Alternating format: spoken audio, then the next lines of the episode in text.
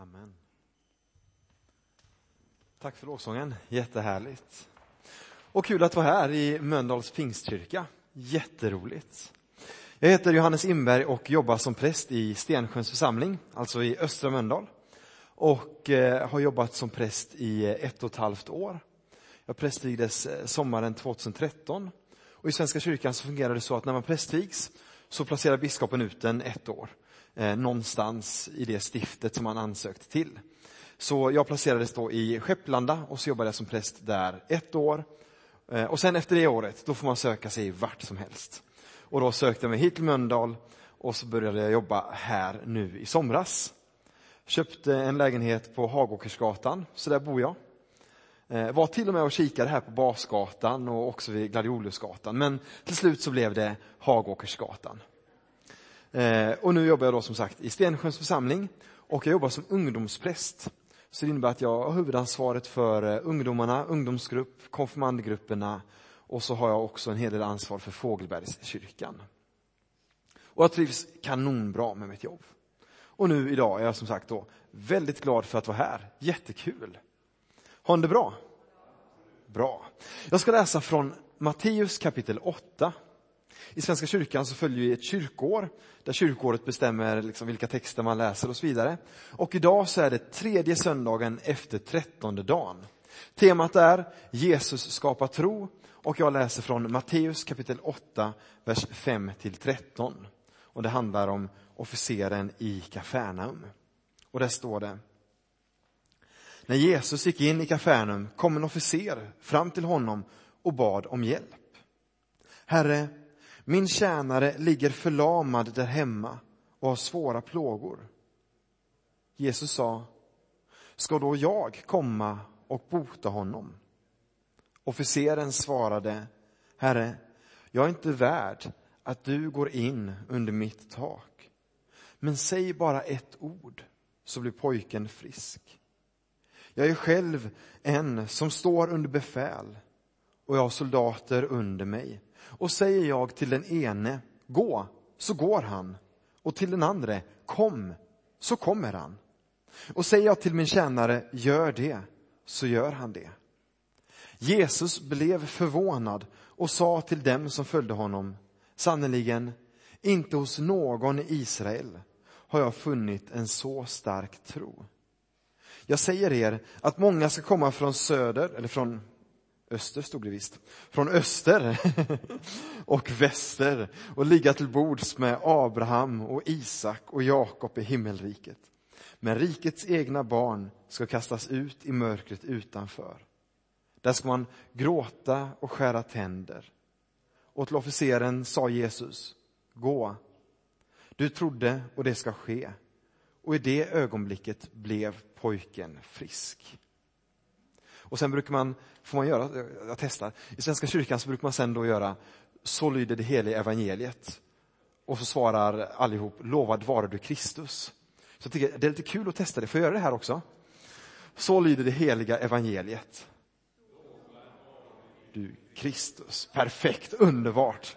Okay. När jag läser den här texten så, så påminns jag lite grann om en, eh, om en deckare. Ni vet när man, när man ser på en deckarfilm så, så är den upplagd så att man först ska tro att en person är, är skyldig, att det ska gå på ett visst sätt. Och sen så när, när storyn fortsätter så händer olika saker som gör att man börjar upptäcka när det är inte så. Och så kommer några olika chockmoment vid olika tillfällen där man blir förvånad över, nej, nej, är det så här istället? Och i den här berättelsen skulle jag vilja säga att det finns några, några chockmoment, några tillfällen då man blir förvånad. Nej, är det så här det hänger ihop? Är det så här som det står till? Så jag tänkte lyfta fram men, tre sådana chockmoment som jag stötte på lite grann i den här texten. Och så ja, leda in det till ett budskap. Min första rubrik är Förankrad i sitt inre. Kafarnaum var en eh, by, en stad som var centrum för Jesu verksamhet. Han bodde där ett tag och den här Kafarnaum låg ut med en stor handelsväg. Det verkar ha funnits en romersk utpost. Och här var då en officer, en centurion, som hade makt över hundra soldater. Som var hedning, alltså han var icke-jude. Och så kommer han till Jesus. Så tänkte då, en icke-jude som kommer till Jesus. En romersk medborgare som kommer till Jesus. En enkel jude på galileiska landsbygden. Det måste ha tagit på stoltheten. Och här är min första chock. Det här måste ha tagit på stoltheten hos den här officeren. Men den här officeren hade insett sitt behov. Och den insikten drev honom till Jesus och drev honom att söka hjälp. Vet ni, vad är folks första reaktion när man trillar på gatan, halkar? Vad reagerar, hur, hur gör folk då? Ja, man skyndar sig upp så fort som möjligt. Innan man ens hinner känna efter, slog jag min höft nu? Bröt jag mitt finger? Innan man ens hinner känna efter smärtan så skyndar man sig upp så att ingen ska se det pinsamma man var med om. Jättekonstigt. Men, men så gör vi. För vi är rädda för att bli utsatta för en pinsam situation. Vet ni vad som enligt vetenskapsmän är den vanligaste lögnen i vårt samhälle? Den vanligaste lögnen som vi använder oss av består av tre ord. Det är bra. Hur är läget? Är det bra? Det är enligt vetenskapsmännen den vanligaste lögnen. För att vi, vi vill så snabbt skynda på oss till att allting är bra, ytan är bra. Officeren i den här berättelsen presenterar en livshållning som du och jag måste få mer av. En livshållning där vi inser våra behov. Jag har hört att på sjukhus är det rätt så vanligt att människor har burit på en sjukdom för länge och sen när de kommer till sjukhuset så är det alldeles för sent. För man har inte vågat erkänna för sig själv smärtan man känner, krämporna man känner, problemen man bär på. Och sen när det är för sent så söker man hjälp. Hade man sökt hjälp tidigare hade sjukhuset kunnat göra någonting åt det. Och också detta tycker jag alltså är en signal på någonting som kännetecknar många av oss. Vi reser oss upp så snabbt vi trillar. Vi säger det är bra även om det inte är bra. Vi döljer smärtan även om smärtan är påtaglig. Officeren gör helt annorlunda. Officeren, en hednisk icke-jude med stor makt, kommer till Jesus och ber om hjälp. Vet ni en sak jag gillar? Ni känner ju inte mig så det kanske är svårt att veta. Sorry. Men eh, ibland när jag säger så här, när jag var på något ungdomsläger nyss och så frågade jag ungdomarna, vet ni något jag gillar? Och då tänker de att jag är präst med prästkrage, så då ropar de ut, du gillar att be? Ja, men det stämmer bra. Fast det var inte det jag var ute efter. Ja, men du gillar att läsa Bibeln? Ja, men det stämmer också bra. Det var inte det jag var ute efter. Någon ropar rugby. Ja, visst, jag spelar rugby, men det var inte det jag var ute efter. Äventyr, jag tycker äventyr är jättegött. Men inte det jag är ute efter. Jag tycker det är väldigt gött att gå naken.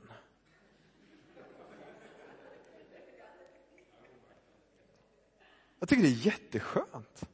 Då får man dra ner persiennen och sånt där i lägenheten. Men ändå sen, att gå runt i lägenheten och bara känna, jag är fri. Okej, och till min poäng då. Gud skapade människan naken. Och att Gud skapade människan naken säger någonting om hur det var tänkt att vi skulle vara och leva. Inte det att vi ska klä av oss nakna nu, absolut, liksom ingenting sånt. Men ändå, vi kan ta med oss någonting av det här. Att Gud skapade oss nakna säger någonting om hur han tänkte sig att vi skulle leva inför varandra. Med en öppenhet, med en nakenhet, med en ärlighet. Och det tror jag är viktigt att bära med sig. Jag var på en retreat en gång, sex dagars tystnad. Och så gick jag i samtal hos den som var retreatledare. Och så grubblade jag och lyfte fram mina grubblerier till honom. Och så frågade han mig, har du pratat med Jesus om det? Och vet ni vad jag svarade? Ja, det hade kunnat vara ett bra svar. Men tyvärr så blev mitt svar nej. Visst, jag hade grubblat på det, men jag hade inte pratat så mycket med Jesus om det. Och så pratade vi vidare och så kom vi till nästa grubbleri som jag hade. Och så frågade han retreatledaren igen, har du pratat med Jesus om det? Och vet ni vad jag svarade? hade återigen varit ett bra svar, men det var fel. Jag, jag tvingades tyvärr att säga nej, det har jag inte gjort. Och så vet ni, det roliga är, samtalet fortsatte ändå. Jag pratade med retreatledaren och så frågar han en gång till, har du pratat med Jesus om det? Och vet ni vad jag svarade? Jag, jag tvingades svara nej. Det hade varit ett bra svar, men jag tvingades svara nej. Jag hade gått och grubblat på det. Jag hade säkert liksom, jag hade säkert sagt någonting till Jesus. Varför är det så här? Men jag hade inte riktigt visat Jesus mitt inre. Vi fortsatte samtalet ändå och han frågade faktiskt en fjärde gång. Har du pratat med Jesus om det? Och vet ni vad jag svarade? Ja! Helt rätt svar. Jag svarade ja. Och vet ni vad hans nästa fråga var då? Vad sa Jesus? Och då tvingade jag säga, den här gången bryr jag mig bara om att säga till Jesus. Jag lyssnade inte så mycket. Det är väldigt enkelt att vi gör så. Vi är uppvuxna med en mentalitet av att så fort vi halkar så ställer vi oss upp. Så eh, vad tog jag för mer exempel? Just ja, så fort någon frågar hur är läget så svarar vi det är bra. Och när vi känner att det är ont så väntar vi så länge som möjligt med att erkänna det. Men Gud skapade oss nakna för att ge oss en illustration och en bild av hur vi är kallade att leva inför Gud och inför varandra. En ärlig öppenhet där vi vågar vara sårbara, där vi vågar blotta vårt innersta. Och en ärlig öppenhet som officeren visar. Min första rubrik var förankrad i sitt inre. Det här var den första chocken i berättelsen. Att den här officeren vågar komma till Jesus och erkänna, jag behöver din hjälp. Och han gjorde det för att han var förankrad i sitt inre. Så vad bär vi på? Vad bär du och jag på? Vilka bekymmer? Vilka rädslor? Sjukdom, kramper, kanske rädsla att bli mobbad, utfryst, ensam. Att tron inte ska hålla, att, att man inte ska trivas på jobbet. Allt detta kallas vi att gå till Jesus med. Och så säger Jesus en fråga efter detta. Jesus frågar, ska då jag komma och hjälpa dig? Och jag ser två aspekter av den här frågan som jag tycker är väldigt intressant. Det ena är, varför frågar Jesus? Är det inte uppenbart att, att officeren vill ha hjälp? Men nu vill jag ge två exempel igen. För ett halvår sedan så började jag för första gången i mitt liv lägga märke till gardiner i hus. Jag började se gardiner. Varför? Jag gav en ledtråd i början på predikan. Vad sa du? Nej, nej, nej, nej, nej. inte därför. Eh, jag skaffade lägenhet och det var dags för mig att köpa gardiner för första gången. Alltid bott tillsammans med andra tidigare, då de fått fixa det. Men det var dags för mig att köpa gardiner och jag började ställa mig frågan, vilken gardin ska jag köpa? För typ tre, fyra år sedan så började jag för första gången i mitt liv lägga märke till vilka resväskor folk hade och bar på. Varför? Jo, för det var dags för mig att köpa en resväska. Jag började ställa frågan till mig själv, vilken resväska ska jag köpa? Och då började jag lägga märke till saker. Därför ställde också Jesus frågan till honom. Vad vill du att jag ska göra för dig? Ska jag ta och hjälpa dig? Ska jag komma hem till dig och hjälpa dig? Han ställer frågan för att tvinga officeren att gå ännu djupare i sitt inre. Och där tror jag ofta att Gud ställer frågor till dig och mig. Testar oss lite grann för att tvinga oss att gå ännu djupare i vårt liv. För Jesus vill komma djupt. Sen om man kikar i grekiskan och översätter den här frågan så skulle man i princip kunna översätta frågan med Ska jag komma? Alltså, ska jag komma nu direkt? Vill du att jag ska komma nu, på studs? Alltså inte en tveksamhet, utan en fråga som pekar på Jesu villighet. Sen verkar den här officeren ha respekt för att Jesus är jude och så säger han därför att du behöver inte komma hem till mig. Min andra rubrik, förankrad i himlen. För den här officeren börjar prata med Jesus så ber han Jesus om att Jesus ska bota hans tjänare. Grekiska ordet skulle också kunna betyda hans son. Så han ber en bön, bota min son. Det är ingenting som vi kanske går och frågar varandra, skulle du kunna ta och göra den här personen frisk? Han gör det för att han har fått syn på någonting om Jesus. Han har upptäckt någonting om Jesus. Han har sett en annan verklighet. Jag vet inte om ni känner till andaktshistorien om de två tvillingarna i magen. Gör ni det? Någon, du känner till den? Till er andra som inte känner till den, låt mig få illustrera. Två tvillingar låg i en mammas mage och så diskuterade de med varandra. Och den ena tvillingen säger till den andra, du det börjar bli väldigt trångt här inne nu. Och den andra tvillingen säger, jag vet, men vet du vad jag tror? Jag tror det är för att födseln närmar sig. Vad då födsel? Ja, men du vet, födseln, när vi får lämna det här trånga utrymmet. Nej, du är helt knäpp. Tror du på ett liv efter födseln? Ja, det är klart jag tror på. Jag tror på ett liv efter födseln där tillvaron är ljus. Där det finns en mamma som bara längtar efter att träffa oss. Som ser fram emot att träffa dig och mig. Som längtar efter dig och mig. Och vars röst vi kan höra genom det här skiktet här lite grann då och då. Hör du sången där ute nu? Det är mammas röst. Och hon ser fram emot att träffa oss efter födseln. Det tror jag på. Hur kan du tro på något sånt? Man kan inte tro på det man inte ser. Har du sett mamma? Har du kunnat ta på mamma? Nej, du kan inte tro på mamma. Att tro på ett liv efter födseln, det är bara korkat. Och så fortsatte konversationen så. Och jag tror att vi alla ser poängen. De här tvillingarna lever i en begränsad tillvaro, ser det, den begränsade tillvaron. Men det finns också en möjlighet att få en annan perspektiv, ett annat perspektiv på den tillvaro man lever i. Och det har den här officeren. Han har sett att den tillvaron som han vandrar i som officer med makt över ett antal soldater, det är inte den fullständiga bilden av tillvaron, utan det finns ett annat perspektiv, en annan dimension, en annan verklighet som är ännu verkligare, som har att göra med framtiden och Guds rike. Och hela Bibeln handlar om att Gud vill föra framtiden till vårt nu. Att Gud vill föra himlen till vårt nu. Och det handlar min andra rubrik om. Förankrad i himlen. När officeren var förankrad i sitt inre, sitt behov. Men han var också förankrad i himlen och visste vad himlen kunde ge honom. Vad Jesus kunde ge honom. Och därför kommer han till Jesus med den här bönen. Han har sett vad Jesus kan ge.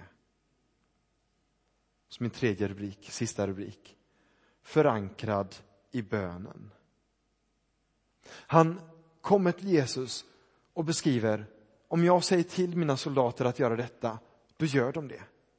Säger jag till dem att gå en kilometer, så går de en kilometer. Säger jag till dem att diska min tallrik, så diskar de min tallrik. Och på samma sätt, säg till min tjänare att bli frisk, så kommer han att bli frisk. Jag tycker att det här är på sätt och vis en chockerande, men också härlig beskrivning av vad bön innebär. Bön handlar inte om att komma med en inköpslista till Jesus, en önskelista till Jesus. Bön handlar så mycket mer om att ge Jesus sitt inre och upphöja Jesus. Uttrycka för Jesus, här är jag, och så upphöja Jesus för den han är.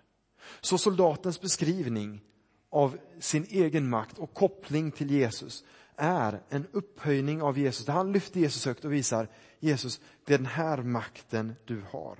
Säg bara ett ord så blir pojken frisk. Och beskrivningen påminner väldigt mycket om skapelseberättelsen. När man läser skapelseberättelsen på hebreiska så tycker jag att det, det blir väldigt häftigt. Det står, när, det, när det står bli ljus så står det på hebreiska Jehi år. Och så direkt efteråt Wa Jehi år. Och wa betyder och. Så Jehi år, wa Jehi år.